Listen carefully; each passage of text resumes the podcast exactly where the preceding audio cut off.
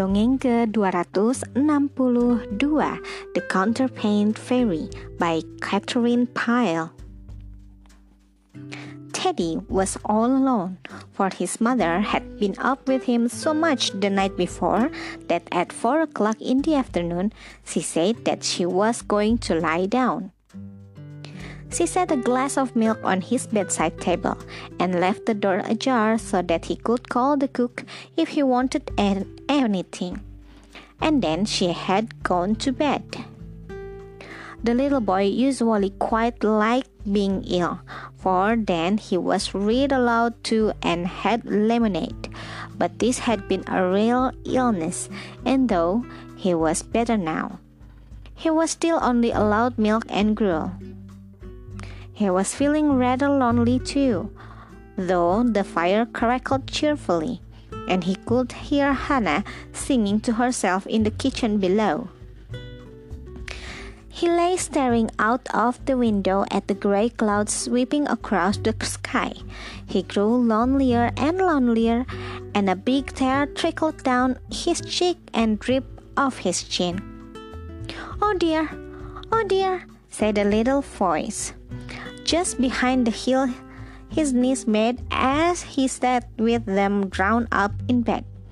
What a hill to climb! Teddy stopped crying and gazed wonderingly at where the voice came from. And over the top of his knees appeared a brown pig hood, a tiny withered face, a brown cloak, and last of all, two small feet in a buckled shoes. It was a little old woman, so wizened and brown that she looked more like a dried leaf than anything else. She seated herself on Teddy's knees and gazed at him solemnly, and she was so light that he felt her weight no more than if she had been a feather.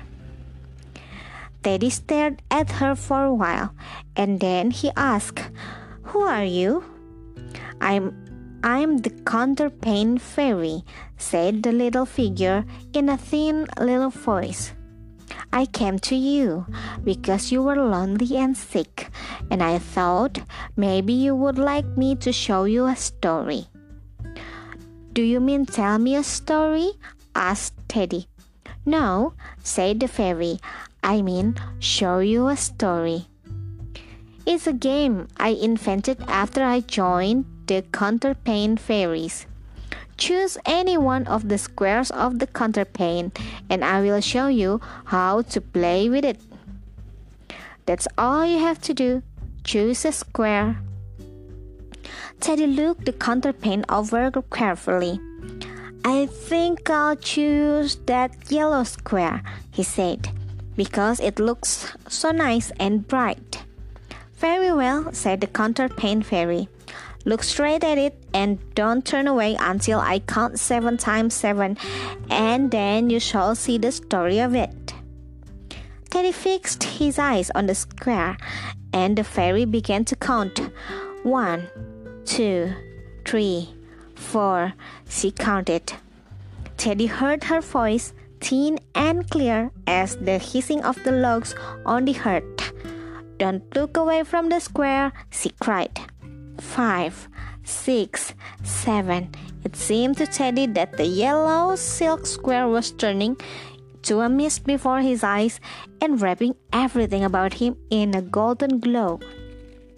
Thirteen, fourteen. The fairy counted on and on. Forty-six, forty-seven, forty-eight, forty-nine. At the word 49, the counterpane fairy clapped her hands, and Teddy looked about him. He was no longer in a golden mist. He was standing in a wonderful, enchanted garden. The sky was like the golden sky at sunset, and the grass was so thickly set with tiny yellow flowers that it looked like a golden carpet. From this garden stretched a long flight of glass steps. They reach up and up and up to a great golden castle with shining domes and turrets. Listen, said the counterpane fairy. In that golden castle there lies an enchanted princess. For more than a hundred years she has been lying there, waiting for the hero who is to come and rescue her. And you are the hero who can do it if you will. With that, the fairy led him to a little pool close by and bade him look in the water. Then Teddy looked. He saw himself standing there in the golden garden, and he did not appear as he ever had before. He was tall and strong and beautiful, like a hero. Yes, said Teddy, I will do it. Without further pause, he ran to the glass steps and began to climb. Up and up and up he went. Once he turned and waved his hands to the counterpane fairy in the golden garden below. She waved her hand, and he heard her voice faint and clear. Goodbye! Be brave and strong, and beware of that is little and gray. Then Teddy turned towards the castle, and in a moment he was standing before the shining gates. He raised his hands and struck bravely upon the door. There was no answer. Again he struck upon it, and his blow rang through the hole inside. Then he opened the door and went in. The hall was five sided and all of pure gold, as clear and shining as glass. Upon three sides of it, there arched doors. One was of emeralds, one was of ruby, and one was of diamond. They were arched and tall and wide, fit for a hero to go through. The question was behind which one lay the enchanted princess. While Teddy stood there looking at them and wondering, he heard a little thin voice that seemed to be singing to itself, and it and this is what it sang. In and out, in and out, quick as a flash I weave and spin. Some I mistake and some forget, but I'll have my spider web finished yet. Then Teddy heard the song. He knew that someone must be awake in the enchanted castle. So he began looking about him. On the far side of the wall, there hung a curtain of silvery gray silver spiderweb, and the voice seemed to come from it. The hero went towards it, but he saw nothing, for the spider that was spinning. It moved so fast that no eyes could follow it. Presently, it paused up in the corner of the web, and then Teddy saw it. It looked very little to have spun all that curtain of silvery web. Mistress Spinner, cried Teddy. Can you tell me where to find the enchanted princess who lies asleep waiting for me to rescue her? The spider said quietly, still for a while, and then it said in a voice as thin as a hair. You must go through the emerald door. You must go through the emerald door. That's a feast at the emerald door for the hero who would go great deeds. Teddy did not so much stay to take the little gray spinner. He was in such a hurry to find the princess, but turning he sprang to emerald door, flung it open and stepped outside. He found himself standing on the glass steps. And as his foot touched the topmost of the whole flight, close up like an umbrella, and in a moment Teddy was sliding down the smooth glass pane, faster and faster and faster, until he could hardly catch his breath. The next thing he knew, he was standing in the golden garden, and there was the counterpane fairy beside him looking at him sadly. You should have known better than to try the emerald door, she said. Ha! And now, shall we break the story? Oh, no, no, cried Teddy. And he was still the hero.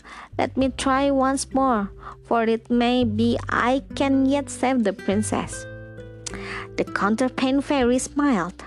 Very well, she said. Try again. But remember what I told you. Beware of what is little and gray, and take this with you. It might be obvious. She picked up a blade of grass from the ground and handed it to him. The hero took it, and in his hands it changed to a sword that shone so brightly that it dazzled his eyes. Then he turned, and there was the long flight of glass steps leading up to the golden castle just as before. So thrusting the sword into his belt, he ran nimbly up and up. When he reached the topmost step, he waved. He waved farewell to the counterpane fairy below. She waved her hand to him. Remember, she called, beware of what is red and gray. He opened the door and went into the five sided golden hall, and there were the three doors just as before, and the spider spinning on the fourth side. Now, the brave hero is wiser indeed. He may have failed once, but he still may succeed. Dull the emeralds, diamonds, and bright, so is his wisdom that shines as the light. The diamond door, cried Teddy. Yes, that is the door that I should have tried. How could I have been taught the emerald door was it? And opening the diamond door, he stepped through it. He hardly had time to see that he was standing at the top of the glass steps before brr, they had shut up again into a smooth glass hail and there he was spinning down them so fast that the wind whistled past his ears. In less time than it takes to tell, he was back again for the third time in the Golden Garden, with the counterpane fairy standing before him, and he was ashamed to raise his eyes. So, said the counterpane fairy, did you know no better than to open the diamond door? No, said Teddy. I knew no better.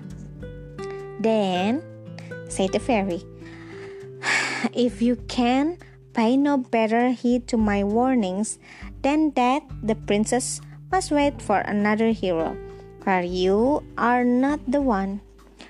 Mm, let me try but once more, cried Teddy, for this time I shall surely find her. Hmm, then you might try once more, and for the last time, said the fairy, but beware of what is little and gray. Stooping, she picked from the grass beside, beside her a fallen acorn cup and handed it to him. Take this with you, she said, for it may serve you well. As he took it from her, it was changed in his hand to a goblet of gold set round with precious stones. Turning, he ran for the third time up the flight of glass steps. All the time he ran, he was wondering what the fairy meant about her warning. She had said, Beware of what is little and gray. What had he seen that was little and gray? When he reached the golden hall, the spider was spinning fast, but presently it stopped up in the corner of the web. As the hero looked at it, he saw that it was little and gray. Then it began to sing to him in its tiny thin voice Great hero, wiser than ever before, try the red door, try the red door. Open the door that is ruby, and then you never need search for the princess again. No, I will not open the ruby door, cried Teddy. I have followed your instruction twice, and both times you have you sent me back to the golden garden, and now you shall fool me no more. As he said this, he saw that a corner of the web was unfinished, and underneath was something that looked like a little yellow door. Suddenly, he knew that this was the door he must go through. He pulled at the curtain of the web, but it was as strong as steel. Quickly, he snatched from his belt the magic sword, and with one blow, the curtain was cut into two and fell at his feet. He heard the spider calling to him, but paid no heed, for he had opened the door and stooped his head and entered. Beyond was a great gold courtyard with a fountain splashing into golden basin in the middle. But what he saw was first the princess, who lay stretched out as if asleep upon a couch all covered with cloth of gold. He knew she was a princess because she was so beautiful and because she wore a delicate crown. He stood looking at her without stirring, and at last he whispered, Princess, Princess, I have come to save you. Still, she did not stir. He bent and touched her, but she lay there in her enchanted sleep, and her eyes did not open. Then Teddy looked about him, and seeing the fountain, he drew the magic cup from his bosom and, filling it, sprinkled the hands and face of the princess with the water. Then her eyes opened, and she raised herself upon her elbow and smiled. Have you come at last? she cried. Yes, answered Teddy. I have come. The princess looked about her, but what became of the spider? she said. Then Teddy to look about, and there was the spider running across the floor towards where the princess lay. Quickly, she, he sprang from her side and set his foot upon it. There was a thin squeak, and then there was nothing left of the little gray spinner but a tiny gray smudge on the floor.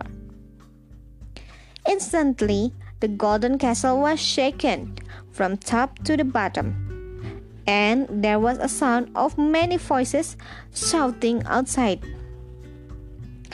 The princess rose to her feet and caught the hero by the hand. You have broken the enchantment, she cried, and now you shall be the king of the golden castle and reign with me. Oh, but I can't, said Teddy. Cause, because. But the princess drew him out with her through the hall, and there and there they were at the head of the flight of glass steps. A great host of soldiers and courtiers were running up it. They were dressed in cloth of gold, and they shouted at the sight of Teddy, Hail to the hero! Hail to the hero! And all this is yours, said the beautiful princess, running towards with him. So that is the story of the yellow square, said the counterpane fairy. Teddy looked about him. The golden castle had vanished, and the stairs, and the shouting courtiers. He was lying in bed with the coverlet over his knees, and Hannah was still singing in the kitchen below. Do you, do you like it? asked the fairy. Teddy heaved a deep sigh. Wasn't it beautiful? he said. Then he lay for a while thinking and smiling. Wasn't the princess lovely? he whispered half to himself. The counterpane fairy got up slowly and stiffly and picked up the stuff that he, she laid down beside her. Well, I must be journeying on, she said. Oh, no, no, no, no, no, no, cried Teddy. Please don't go yet. Yes, I must, said the counterpane fairy. I hear your mother coming. But will you come back again? cried Teddy. The counterpane fairy made no answer. She was walking down the other side of the bed gilt hill, and Teddy heard her voice, little and thin, dying away in the distance. Oh dear, dear, dear, what a hill to go down! What a hill! Oh dear, dear, dear. Then the door opened and his mother came in.